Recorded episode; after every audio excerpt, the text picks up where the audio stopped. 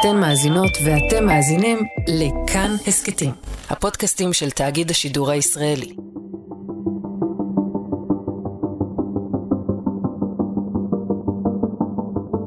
בואו נעצור לרגע ונדבר על משהו שלא מקבל את המקום הראוי לו בסדר היום. בוקר טוב, חצור הגלילית ומרכז האנרגיה, עוד מעלה עשן, המקום נשרף כליל. הפרוטקשן, חאווה, גביית דמי חסות, זה משהו שהפך כבר לחלק בלתי נפרד מהחיים באזורים מסוימים בארץ, פשוט חלק מהנוף. ואני מודה שאם יש משהו ששובר אותי, זה הדבר. כי התופעה הזאת היא אשכרה התפרקות, היעדר יכולת של המדינה לקיים שלטון חוק במובנים הבסיסיים ביותר שלו. 50 קליעים נורו על ביתו ואל אחד העסקים שבבעלותו. מיליון וחצי שקלים דרשו ממנו עבריינים, ואם לא ימסור את הכסף, ישלם מחיר כבד יותר. ומי שמשלם את המחיר, כרגיל, האזרחים הקטנים שעומדים בפני שוקת שבורה, ובמקרה הזה אלו דווקא הערכיים והחרוצים ביותר, אנשי האדמה, בעלי העסקים הקטנים, אלו שניסו להקים בעשר אצבעות משהו צנוע משל עצמם, וזה קורס להם בין הידיים, פשוט בגלל שהמדינה שכחה לכבד את החלק הבסיסי ביותר בהסכם שלה איתם, ולאיש אין לא תשובות ולא פתרונות.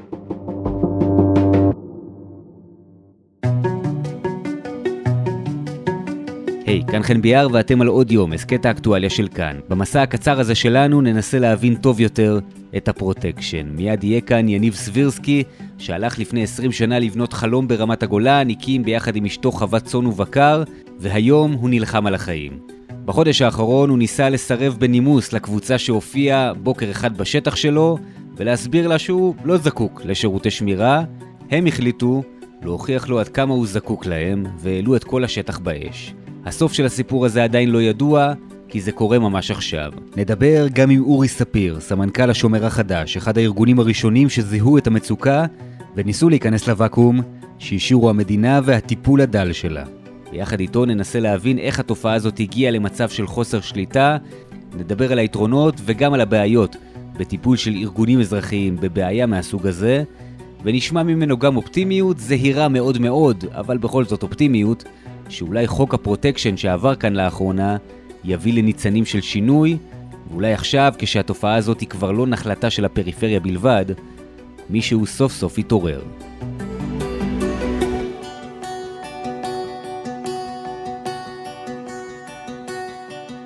את השיחה עם יניב סבירסקי מנאות גולן אנחנו מקיימים תוך כדי שהוא מתרוצץ בשטח. יניב, שלום. שלום, מה שלומכם? אנחנו בסדר, מה שלומך בימים אלה? בימים אלה המצב לא כל כך uh, טוב, אנחנו היינו בתקופות יותר טובות בחיים. ספר לי קצת על אה, עצמך, קודם כל. אני, אנחנו, אני ואשתי הגענו לרמת הגולן בשנת 2001, ליישב את הגולן, אשתי אשת חינוך, אני איש צבא, שירתי 30 שנה בשירות, ביחידות השדה, כאלה ואחרות, גולני בעיקר. בנינו חווה, חוות צאן ובקר. אשתי עם הילדים התעסקה כל מה שצריך לבנות, התחלנו בידיים לבנות מאפס את כל מה שיש לנו פה. באנו ליישב את הגולן, אנחנו אוהבים את ארץ ישראל. לא ציפינו שיבואו אלינו בדלת האחורית. מתי בפעם הראשונה פגשת והכרת באופן אישי את הדבר הזה שנקרא פרוטקשן, את האנשים האלה שרוצים, כמו שאתה אומר, להיות שותפים שלך? לפני שלושה שבועות ניגשו אליי שתי נערים עם טרקטורון, הם יודעים מתי אנחנו באים, מתי אנחנו הולכים, באיזה שעות הרועה צאן שלי מגיע לראות את העדר, מתי הוא יוצא, מתי ההפסקה שלו, הם יודעים מה אנחנו, עם איזה רכבים אנחנו נוסעים, הם יורדים לרזולוציות הכי קטנות, וככה הם יודעים בדיוק מתי לבוא, להגיע אלינו. אם יש להם זמן, הם יושבים, ממש ככה, יושבים מתחת לעץ עם משקפת, והם, ורושמים לוחות זמנים, וככה הם יודעים מתי לבוא ולתת לנו בראש, כמו שאומרים. אני לא מוכן להיות שותף של אף אחד. אני, אשתי השותפה שלי, ו- ולהיות שותף עם כל מיני אנשים ש- שרוצים לרעתנו, זה לא אני. בוא נחזור למפגש הראשון הזה. מה קרה שם? עצרו לידי במקרה שתי נערים עם טרקטורון, ואמרו לי, מי שומר עליך? אמרתי להם, מה? ניגשתי אליהם, זרקו לי את זה ביציאה כזה ועמדו לידי. בשביל גישה פה לקיבוץ, והם ידעו מי אני, הכל, הכל, הכל, הכל, הכל. הגיעו, אמרו לי, מי שומר עליך? אמרתי לה, אולי אתה צריך שמירה, אני לא צריך שישמרו עליי. צחקו לי והמשיכו לנסוע, לא, לא התעמתו איתי, לא שום דבר, אמירה של חצי דקה, לא מעבר לזה, שם זה נגמר. עברו שלושה שבועות, באו, יש לי פה מערכת סולארית שאנחנו בנינו, בתהליכי בנייה בשביל אה, לא להשתמש בגנרטורים, שילמתי אישורים למינהל מקרקעי ישראל, למועצה, לכל דלת שדפקתי בה, שילמתי כסף למדינת ישראל. את הקרקע חכרתי ממינהל מקרקעי ישראל. הכל עשיתי, אני איש חוק. אני יודע הכל לשלם, אני איש שמשלם מיסים והכל. לא הגיוני שיהיה לנו שותפים מכל הכיוונים. לא מקובל. זה לא, זה, זה, זה כל, כל מדינה שיש בה אנשים ברי דעת, לא הגיוני שיהיה התנהלות כזאת. מה קרה למערכת הסולארית שהקמת? הגיעו לקצה השטח שלי, זה עוד שתי קילומטר בהמשך, והייתה רוח. הם הדליקו את קצה השטח בתקווה שזה יגיע למערכות הסולריות וישרוף את כל הסככה ואת כל הממירים והמערכת. הרוח הייתה רוח מערבית, כל האש פנתה לכיוון הוואדי, ונשרף שם שלושת אלפים דונם. מה שקרה, שלא נשאר לנו עלה אחד גרם אוכל לבהמות. עשו בשבילי אנשים גיוס המונים, כמה חבר'ה טובים שנרתמו למהלך. הם אתמול בלילה הקימו באתר גיבבק אה, גיוס המונים שנוכל אה, להאכיל את הבהמות ולשרוד ולעבור את השנה הזאת. עד שבעזרת השם ירד גשם ויצמח הכל חדש. בעצם אתה כרגע בלי פתרון. אני בלי פתרון לשום, אף אחד לא לוקח אחריות על הדבר הזה. אני מתמודד מול כל העולם לבד. יש קצת אנשים טובים שעוזרים, ש, ש, שרוצים לעזור ונרתמים וכוח אדם וכו' וכו' וכו', אבל את הכוח אדם שלי יש לי, אנחנו צריכים כוח אדם לשמירות, כי הנוכחות פה בשטח של החבר'ה האלה, הם הולכים ובאים מתי שבא להם, זה לא זה. אנחנו, לא, אנחנו צריכים כל הזמן לשמור. שלא ייווצרו עוד נזקים. אף אחד לא מממן אותנו, לא את השמירות, לא את האוכל שנשרף. זה בסוף עלויות, בסוף את כל מה שיש לנו שמנו, וגם זה הלך באש. הפגיעה הכלכלית, כמה שהיא קשה, אני מניח שזה כאין וכאפס, לעומת הפגיעה הנפשית של אדם שרואה את מפעל חייו במצב הזה. אנחנו במצב לא טוב, המצב הנפשי שלנו ברצפה, באמת אני אומר לך. מה אתה ואשתך אומרים אחד לשני במצב הזה לפני שהולכים לישון ברגעים הקטנים? איך ממשיכים מפה? איך ממשיכים מפה? זאת השאלה הכי גדולה. את החיים שלנו, באנו ליישב, באנו למקום הכי שלב בארץ ישראל, ברמת הגולן, שקט, שלווה, נוף פסטורלי, המון טבע. בסוף הגענו למערב פרוע, זה מה שיוצא. אני חוזר איתך רגע לנקודה הזאת שבה מגיעים הפרחחים האלה, העבריינים האלה, ושואלים אותך, מי שומר עליך? אתה מבין מה קורה? מה עובר לך בראש בשנייה לא, הזאת? לא, אני, אני מבין לשנייה הראשונה, אני מבין שהם אה, שליחים של מישהו, של משהו. אה, לא התייחסתי לזה יותר מדי. אני אמרתי לעצמי, אה, עוד איזה כמה שמנסים לסחוט אותי על הדרך. לא התייחסתי ליותר מדי, ראיתי, חיכיתי, הייתי קצת דרוך ביומיים שלושה הראשונים לאחר שקרה המקרה. ראיתי שהכל עובר חלק, לא ציפיתי שיעברו שלושה שבועות ופתאום יפתיעו אותי. לא שמתי לב שיושבים עליי מעקבים, עליי, על העובדים שלי, של הרועה צאן וכו'. ואין לי שליטה 24-7, יש פה אזור גם שלא הכל מצולם בו גם. זה היה הניסיון הראשון כן, לסחוט אותך או שהיו מקרים כאלה גם בעבר? הראשון, כן. ופחדת שזה יגיע? אני מניח שאתה בקשר עם חקלאים אחרים באזור, שומע מה שקורה. אה, ברור שפחדתי. זה כל העתידי והעבר שלי פה. אני, אני, זה מפעל חיינו שלי ושל אשתי. אנחנו, אנחנו בנינו את הכל מאפס, זזנו אבנים בידיים בשביל לבנות פה את מה שיש. אני מדבר מעומק ליבי, ממש קשה לנו. קשה לנו, המצב הנפשי שלנו ירוד מאוד. אין לי מילים, באמת כך.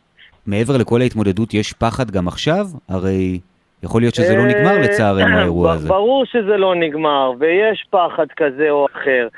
אבל uh, אנחנו יודעים גם להיות חזקים, לא לוותר לאף אחד. אני לא מוכן שכולם... Uh, כל אחד שעובר ברחוב אה, יחליט שמה שהוא נוגע בו זה שלו. לא רק אני, אני מאמין שכל אזרחי ישראל אה, לא מוכנים לזה. כי היום זה נוגע בי, מחר זה ייגע במישהו אחר. הגשת תלונה? לא, לא הגשתי תלונה במשטרה. אני לא רואה את זה לנכון. אה, לדוגמה, חבר שלי גנבו לו לפני שלושה שבועות 20 פרות, נזק של 200 אלף שקל כמעט. מצאו את המספר של המשאית, העמיסו, הכל. המשטרה לא עשתה עם זה כלום, כבר עברו שלושה שבועות, חודש, לא עשו עם זה שום דבר. מה יצא מזה? לבוא למלא דוח, להגיד היינו פה? איפה אני, איפה, איפה, איפה אנחנו כאזרחים, איפה הביטחון האישי שלנו? זאת השאלה, איפה הוא? אנחנו כבר עוד מעט לא נצליח להסתובב ברחובות. היום זה עסקים, מחר זה אנשים יהיה. זו אמירה קשה מאוד, כי זה בעצם אומר שוויתרת באופן אישי על העניין הזה של שלטון חוק, שאין דין ואין דיין, אתה לא מצפה שמישהו יבוא לסייע לך בסיטואציה כזאת. אין, אתה רואה, עובדות, עובדות מדברות בעד עצמם. זה לא רק אני, זה כל חקלאי ישראל, כל אנשי העסקים, עם העסקים הקטנים, העסקים הגדולים. אנשים בקושי מרוויחים עשרת אלפים שקל והם עובדים עצמאים ולהתגלגל את החודש, בקושי, בקושי מסיימים את החודש ועוד גובים עליהם פרוטקשן נטי, מה, מה שאין להם לוקחים. זה, זה עבדת בשביל שקל ושקל, אספת בשביל להגיע למטרה מסוימת. לא בשביל שיבואו ביום בהיר, ישרפו לך את הכל.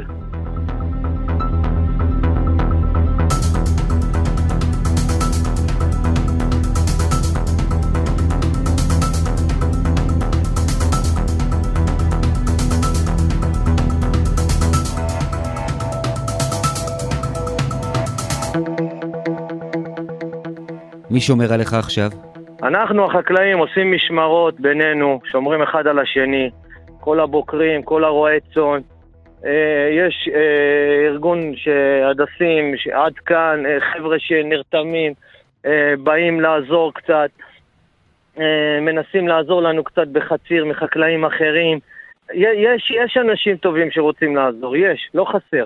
אבל כל אחד גם איפשהו מוגבל באיזושהי דרך. בלעזור. כל אחד גם יש לו את החיים שלו ואת הזה שלו מאחורי, מאחורי הקלעים. ומה שאתה מתאר כאן זה מערב פרוע, החקלאים לעצמם. מערב פרוע והכל נראה פסטורלי, אתה עובר פה, הכל נראה מדהים, הטבע פורח, הכל פורח. עד שבאים, אומרים לך, אתה לא תעשה מה שאנחנו, אתה תחטוף בראש, חד משמעית. יש חשש שהם יחזרו מהמפגש איתם? ברור שיש חשש, שהם יחזרו, אני מחכה להם גם. אני יושן פה ימים לילות, אני מחכה להם. יש פיצוי כלשהו? יש ביטוח? המדינה לא, מסייעת לא, באיזשהו אופן? החברות ביטוח, החברות ביטוח לא מוכנות לבטח היום חקלאים. בגלל כל הנקודה של, אה, של כל הפרוטקשן והגנבות והשרפות. ומי שכבר בכל זאת ביטח, שקורה מקרה, החברות ביטוח מוצאים דרך איך לא לשלם. תוכיח שהייתה פריצה, יש לך במצלמות, תוכיח לנו ככה, תוכיח לנו ככה, בקצה הם לא משלמים לאף אחד. עכשיו, מי שחלילה נשרף לו, נשדד, לא יודע, נפרץ לו משהו, אין סיכוי שיבטחו אותך. אם התלוננת אי פעם במשטרה, אין סיכוי שיבטחו אותך אם התלוננת על איומים או משהו. הם הולכים, יש להם קשרים במשטרה, הם רואים, התלוננת, לא התלוננת. אם הם גילו את זה דרך אגב, מבטלים לך את הפוליסה. דברים הזויים. ואני מניח שאתה מכיר כאלה שנכנעו לפרוטקשן, שוויתרו על כל התענוג הזה, אמרו אני מוכן לשלם את מה שהם מבקשים, רק שייתנו לי שקט. יש פה אנשים שמשלמים בשביל שקט.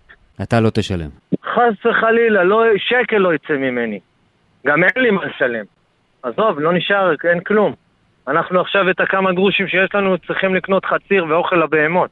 אתה, תוך, אתה מדבר איתנו תוך כדי יום העבודה שלך, תספר לאן אתה נוסע כן. עכשיו.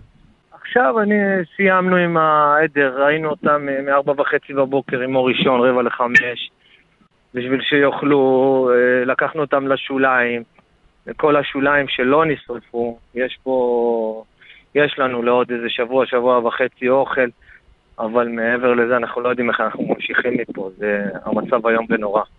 יניב, קשה מאוד לשמוע את הדברים האלה שאתה מספר לנו עליהם, ואני מקווה לפחות שהם יגיעו לאוזניים קשובות. ורוצה להודות לך מאוד על השיתוף ועל השיחה הזאת. תודה לך, ויום נהדר.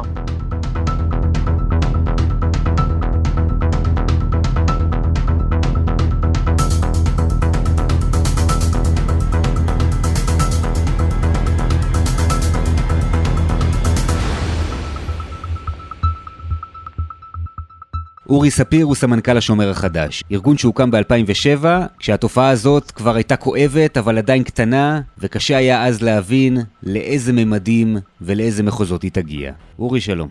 שלום. אתה יודע, התחושה היא שזה נמצא כבר בכל מקום. איפה שלא נהפוך, בכל אבן שלא נרים. לצערי אתה צודק. אנחנו בעצם לומדים את הסוגיה הזו של הפרוטקשן כבר במשך לא מעט שנים. זה התחיל בשטחים הפתוחים יותר בנגב ובגליל, ולצערי הרב, בגלל חוסר טיפול של רשויות המדינה באירוע הזה, זה הולך ומתפשט, ואני אומר היום בצער שאין כמעט אה, חלקה טובה שהאירוע הזה לא הגיע אליה, בכל התחומים ובכל האזורים. שמענו עכשיו את הסיפור של יניב, שהוא בלתי נתפס, אבל זה ממש לא דבר יוצא דופן, לצערנו, עם כמה חקלאים ואנשי עסקים, אולי גם לא מתחום החקלאות, אתם נמצאים בקשר, שנמצאים במצוקות דומות כאלה ואחרות? אז אנחנו נמצאים עם מאות אה, חקלאים, ובתקופה האחרונה גם עם בעלי עסקים אחרים. אה, אנחנו בעצם ערכנו סקר בתחום הזה, בעצם סיכמנו את הסוגיה של הפשיעה ב-2022. למדנו נתונים קשים, אני אומר ממש אה, ברמה שמאיימת דעתי על הסדר התקין של איך מתנהלת מדינה. למעלה מ-70% מהאנשים מודיעים או, או אומרים שהיו להם פניות לשלם פרוטקשן, בעלי עסקים בכל הארץ. וככל שאתה מתרחק מהמרכז, הנתונים עולים. האזור הקשה ביותר זה בעצם האזור של מזרח הגליל ורמת הגולן, שבעצם מושפעים כנראה בעיקר מהמרחב של, של הכפר טובא. שם זה מגיע ל-93 ואם אתה מדבר על רמת נגב, ברמת נגב זה כבר באזורים של 89 זאת אומרת, אין כמעט מישהו שלא נדרש אה, או התבקש לשלם פרוטקשן. גם כשאני מדבר על 70 אחוז, אז אה, שוב, כמעט 40 אחוז הודו שהם שילמו, ואני אומר שלרוב הנתונים הרבה יותר גבוהים ממה שאנשים מודיעים, גם שפנו אליהם וגם ששילמו, כך שאני אומר שאפשר לקבוע בצער שהתופעה הזו היא חוצה את כל המגזר העסקי ואת רוב, רוב חלקי הארץ. זה אפילו הגיע לכדי כך שגופים שהם גופים רשמיים ואפילו גופים של מדינת ישראל מוצאים את עצמם במחוזות האלה, אם זה קק"ל שבעבר פורסם שגם הם שילמו דמי חסות, אם זה רשויות מקומיות שנסחטות במכרזים שהן מפרסמות, זה מגיע למחוזות האלה. נכון, כי צריך להבין שהפרוטקשן התקדם. אם פעם היה מגיע איזשהו בריון ומאיים, היום הדברים מבוצ... מבוצעים בצורה יותר מתוחכמת. לא תמצא רשות אחת שאומרת שהיא משלמת פרוטקשן מצד אחד. מצד שני, אנחנו מבינים היום שאותם אה, ארגוני פשע כבר מתערבים בקיום מכרזים דרך הקבלנים עצמם, הם אומרים לאיזה קבלן לגשת לאיזה מכרז, וזה כולל למכרזים שהמדינה מוציאה, כמובן גם לעבודות אה, פרטיות, והם מקימים חברות שמירה שהן לכאורה חוקיות ועומדות בכל התנאים, כך שבסופו של דבר, על פניו, על הנייר, כשאתה מסתכל על פני השטח אתה לא רואה שום בעיה, אבל מי שלומד את הדברים לעומק מבין שיש כאן בעצם מישהו אחר שמנהל את, ה, את העניינים גם מבחינת מכרזים, גם מבחינת חלוקת קרקעות, גם בהקשר של, אה, של אה, הקצאות של כספים למקומות כאלה ואחרים, וכמובן שכל דבר הזה נעשה על ידי אה, שימוש בכוח, ושימוש בכוח בטח בניגוד לחוק, וזה דבר שמאיים בסוף בצורה מאוד קשה על הריבונות שלנו כאן. בניתוח שלך, איך הגענו למחוזות האלה? יש פה שני גורמים uh, מרכזיים. הראשון הוא שיש משהו שדי מאפיין אותנו ואת רשויות השלטון, שמנסים לא להתמודד עם בעיות, אלא לקוות שהם ייפתרו מעליהן. יש פה אירוע שהוא נושק, אני אגיד, זה, זה שילוב של פלילי ולאומני בחלק גדול מהמקרים. וכולם מבינים שאם עכשיו נצטרך לבוא ולפרק את ארגוני הפשיעה האלה, כלומר בין השאר לעבור ולאסוף את הנשקים מבית לבית, באזורים שבהם מתגוררים בני המיעוטים, החברה הערבית בעיקר, ואני אמקד את זה אפילו יותר בחברה הבדואית, יהיה לדבר הזה מחירים שיכול להיות שהם יציתו את השטח ויבעירו פה תבעירה משמעותית שאף אחד לא רוצה אותה, ולכן הרבה פעמים מקבלי החלטות מעדיפים לא להתמודד עם הבעיה, אני אגיד לא, לא לנקוט בקו של הכרעה, אלא בקו של הכלה. ננסה לראות איך אנחנו סופגים את הדבר הזה וממזערים את הנזקים, כאשר הבעיה כאן היא ברורה לחלוטין, מכיוון שככל שהדבר הזה אה, יתנפץ מאוחר יותר, האפשרות או היכולת לטפל בו תהיה הרבה יותר מורכבת ועם מחירים אה, גבוהים הרבה יותר. אז זה, זה, זה דבר אחד. הדבר השני, אני חושב שמאוד משפיע, זה אין פה עין מתכללת. בעצם יש הרבה מאוד רשויות אה, אכיפה במדינה, שמסתכלות על בעיות כל אחת דרך חור של אה, אה, יחסית דרך קשית אה, צרה, מבט של קשית ולא מבט רחב, והוא עושה רק את מה שהוא צריך במסגרת תפקידו, וכשאתה שם בעצם את כל הקשיות האלה על המרחב של הבעיה, אתה מגלה שהבעיה היא הרבה יותר רחבה מהפתרונות שקיימים, ואין גורם שמתכלל בסוף את, ה, את, ה, את הטיפול המלא והשלם בבעיה הזו של, של סחיטת דמי החסות, או בעצם של אה, מה שאני קורא לו בעצם התהוות של מדינה בתוך מדינה בהקשר הזה. וכל זה מוביל למצב שאנשים כבר לא סומכים ולא פונים אפילו לרשויות החוק, ולוואקום הזה, או שאנשים נשארים לבד, או שנכנסים כל מיני גורמים שהכוונות שלהם טובות, כמו הארגון שלכם, שבעצם מנסה להיכנס ולסייע, אבל זה מצב שהוא רחוק מאוד מלהיות אידיאלי וגם עלול להוביל להרבה בעיות. היית מצפה שהמדינה צריכה להיות בנעליים האלה, לא אף אחד אחר. מי שמזהה את הדבר הזה טוב בצורה טובה ביותר הם ארגוני עבריינים בעצמם, שהם בעצם מחליפים את המדינה. הם בעצם נטלו לעצמם את הסמכויות של מדינה. הם גובים מיסים, הם מפעילים כוח כדי לאכוף את הרצונות שלהם, הם מטים מכרזים, הם בעצם נטלו לעצמם סמכויות של מדינה, ויש כאן בעצם הרבה בעלי עסקים שאנחנו מדברים איתם, אומרים שהם חיים בעצם בשתי מערכות שגובות מהם מיסים, שתי מערכות שאמורות להגן עליהם, שתי מערכות שאמורות לספק את הפתרונות, כאשר בצורה הזויה, אני, פה אני אומר את זה בצער רב, מי שנותן את המענה הטוב יותר מבחינת בעלי עסקים, אלו הם ארגוני הפשיעה.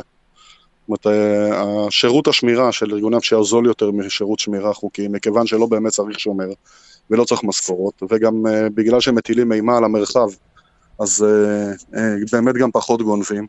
נוצר כאן מצב אבסורדי, שאותם ארגוני פשיעה נותנים בסוף שירות טוב יותר לאזרח מאשר רשויות המדינה שלו, והדבר הזה צריך להיכנס. ואתה יודע, אנחנו רואים עוד ועוד התארגנויות כאלה של חקלאים ושל גורמים שבאמת נמצאים במצוקה ואי אפשר לבוא אליהם בטענות הם רוצים לעשות משהו ושהמציאות שבה הם חיים הבלתי אפשרית הזאת תשתנה, אבל אתה יודע שמולם יש עבריינים ולשני הצדדים יש נשק, ואני מניח שגם אתה חושש מכל מיני סיטואציות שעלולות להתפתח במצב הזה. קודם כל ברור שאני חושש, אבל uh, אני, על זה דיברתי קודם. אני חושב שהחשש יכול לעשות אחד משני דברים. הוא יכול לגרום לי לא לפעול, ואז למעשה הנצחתי את המצב שבו העבריינים הם אלה שקובעים מה קורה במדינה. הוא יכול לגרום לי לפעול בצורה מחושבת, תוך כדי נטילת סיכונים מחושבים, וניהול מאוד מאוד דקדקני וקפדני של הסיכונים, ובסוף אה, משיכה, וגם מה שאני עושה איתך עכשיו, מדבר איתך כדי שמקבלי החלטות ידעו להצטרף אלינו. אה, וזה מה שאנחנו עושים. זאת אומרת, ברור שיש סיכונים, אבל לי ברור לחלוטין שאסור להפקיר את המרחב הזה רק לעבריינים, ואנחנו חייבים לפעול בו. כאשר התכלית העליונה של הפעולה היא באמת להביא את רשויות המדינה, אה, כל הרשויות של המדינה, אה, להבין שהבעיה הזו, התופעה הזו, היא בעיניי צריכה לשבת ב top five אה, של האתגרים הלאומיים במדינת ישראל כיום, ובעצם לשים את כל היכולות, כל המשאבים שיש למדינה, ולטפל בזה. ראינו את זה קורה בתחומים אחרים. אני אתן פה כדוגמה, שוב, תופעה שלא אוהבים לדבר עליה, אבל תופעת הזנות בישראל, שהייתה הרבה יותר נפוצה לפני 20-25 שנים. ברגע ש... שהייתה הבנה חברתית שאי אפשר יותר להחזיק את הדבר הזה. כל רשויות המדינה, כולל רשויות המיסים והמשטרה ורשויות האכיפה ובתי המשפט והמחוקק נתן את דעתו על הדבר הזה, ובמאמץ משולב לא, לא גדעו את הבעיה לגמרי, זו עדיין תופעה שקיימת, אבל היא בשוליים, בטח לא בהיקפים שהיו בשנות ה-90 ובתחילת שנות ה-2000. אני חושב שהדבר הראשון שצריך לעשות זה בעצם להבין את מרחב הבעיה, להבין שהדבר הזה דורש טיפול שורש וטיפול של, אה, שוב, ועדת שרים או ועדת מנכ"לים, שלדעתי, במשרד, במרחבים של אזורי משרד ראש הממשלה, רח"ל, רשות חירום לאומית, לא, לא פחות מהדבר הזה, כדי בעצם להצליח להביא את כלל רשויות האכיפה לטפל בסוגיות האלה, מתוך תפיסה רחבה של מדינה שרואה את כל מרחב הבא ויודעת לטפל בו בכל, ה, בכל הדברים, ולא לתת לכל רשות רק להסתכל על הבעיה הקטנה שלה, ובסוף לא להשפיע על, ה, על התופעות הרחבות.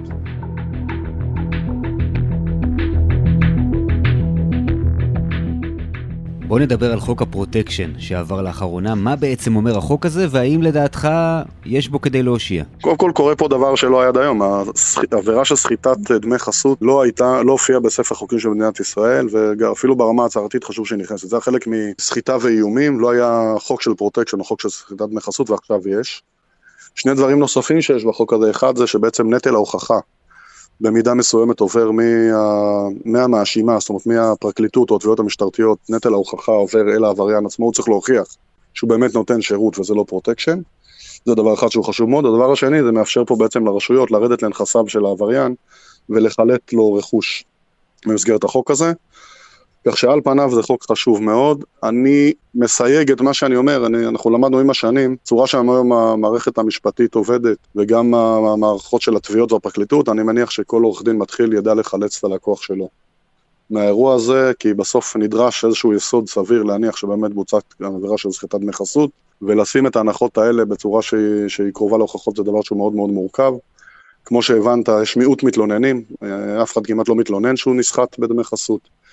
אה, אין עדויות כתובות, קשה מאוד להוכיח האם זה באמת חברת שמירה אה, או שזה רק שעושה סיורים או שיש כאן אה, אלמנטים של פרוטקשן ולכן אני חושב שהחוק הזה הוא צעד חשוב קדימה אבל הוא לא מספיק. מה שנדרש בסוף זה, כמו שאמרתי קודם, זה התגייסות של כל הרשויות. צריך להקצות הרבה יותר משאבים, הרבה יותר כוח אדם, הרבה יותר, להיות גם הרבה יותר יצירתיים ונגיד נחושים ואפילו אגרסיביים באכיפה של הדבר הזה.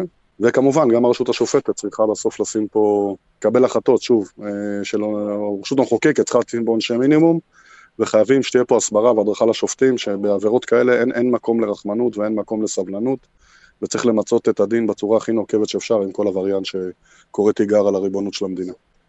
ובוא ניתן רגע דוגמה, במצב עד היום, למשל חקלאי כזה או איש עסקים כזה שנסחט, היה צריך להגיע לבית המשפט, להעיד, להתייצב מול הנאשם שלכאורה סחט אותו, מול כל הקרובים והחברים שלו שיושבים הרבה פעמים כאנשים חופשיים באולם בית המשפט, וללכת אחרי זה הביתה לבד ולקוות שיהיה בסדר ושיהיה מי שישמור עליו. ומי יכול לבוא נכון, בטענות? נכון, והרשות להגנת עדים פה היא לא באמת יודעת לתת פתרונות, זה, זה כמעט בלתי אפשרי. היה לנו אירוע בגליל, שוב, אני לא אנקוט פה בשמות, אבל של אה, ממש אה, ארגון פשע, שמשטרה הצליחה לאסוף אה, עשרות עדויות של אנשים שנסחטו על, על ידי הארגון הזה. הצליחה לשכנע בסוף ארבעה אנשים גם להעיד בבית משפט, בסופו של דבר רק, רק אחד מהם נעמד על דוכן העדים, וכאשר הוא ראה את, ה, את ראשי ארגוני הפשע יושבים מולו, הוא גם, הוא שתק ולא העיד מילה, והאנשים האלה שוחררו. חגיגות גדולות מאוד כשהם נכנסו אה, חזרה לכפר. זו לצערי המציאות היומיום של יחסי הכוחות בין רשויות החוק לבין העבריינים לבין הקורבנות, שבסוף זה כולנו כאזרחים.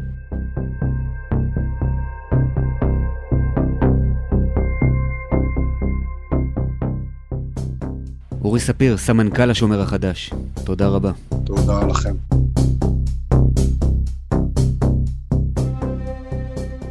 עד כאן הפרק הזה של עוד יום. יותם רוזנבלד ערך אותו, אלעד זוהר על עיצוב הקול והמיקס, ביצוע טכני, שמעון דוקרקר. אתם מוזמנים לשתף ברשתות החברתיות, לשלוח את הפרק לחברים ולדרג בספוטיפיי ובאפל. אם בא לכם לדבר איתנו על מה ששמעתם ובכלל, אפשר לעשות את זה בקבוצת כאן הסכתים בפייסבוק, או לכתוב אליי בפייסבוק, טוויטר, מייל, דואר רשום, מה שנוח. פרקים חדשים של עוד יום עולים בכל ראשון, שלישי וחמישי. כולם כולם וגם כל ההסכתים האחרים מבית כאן זמינים לכם באתר שלנו ובאפליקציית הפודקאסטים הקרובה. אני חן ביאר, נשתמע בפעם הבאה.